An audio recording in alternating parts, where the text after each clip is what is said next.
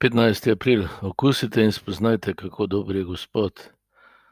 Današnji odlomek eh, nas vabi, da se zavedamo, v čem je razlika med duhovnim življenjem in materialnim življenjem. V materialnem življenju človek začne z nekaj malega, se trudi, se muči, počasi se naučiš govoriti, počasi rasteš, počasi se naučiš določenega znanja, počasi eh, si pridobiš dobre navade in tako naprej.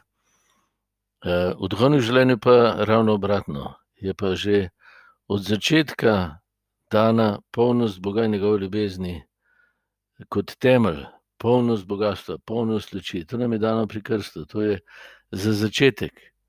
In vse življenje, ki sledi, je samo prepoznavanje, sprejemanje življenja iz tega, nič drugega. Bog je že vse naredil, že vse dano mi se lahko vsak dan zahvaljujemo. Bolj se zahvaljujemo za to, bolj bomo z tega zajemali, bolj bomo žareli to svobodo, ki nam je dana, pa polnost in izpolnitev. To je že dano, to je v Kristusu že storjeno. Odrešenje je samo čaka, kdaj ga sprejmem, kdaj mu dovolim, da tudi mene zajame in jaz potem s tem svojim nadušenjem zajamem tudi druge. Kako pa? Kristijani so to delali v smrti, ko sem ko so jih gnali na morišča, takrat so drugi v njih doživeli uh, veselje in radost krščanske vere.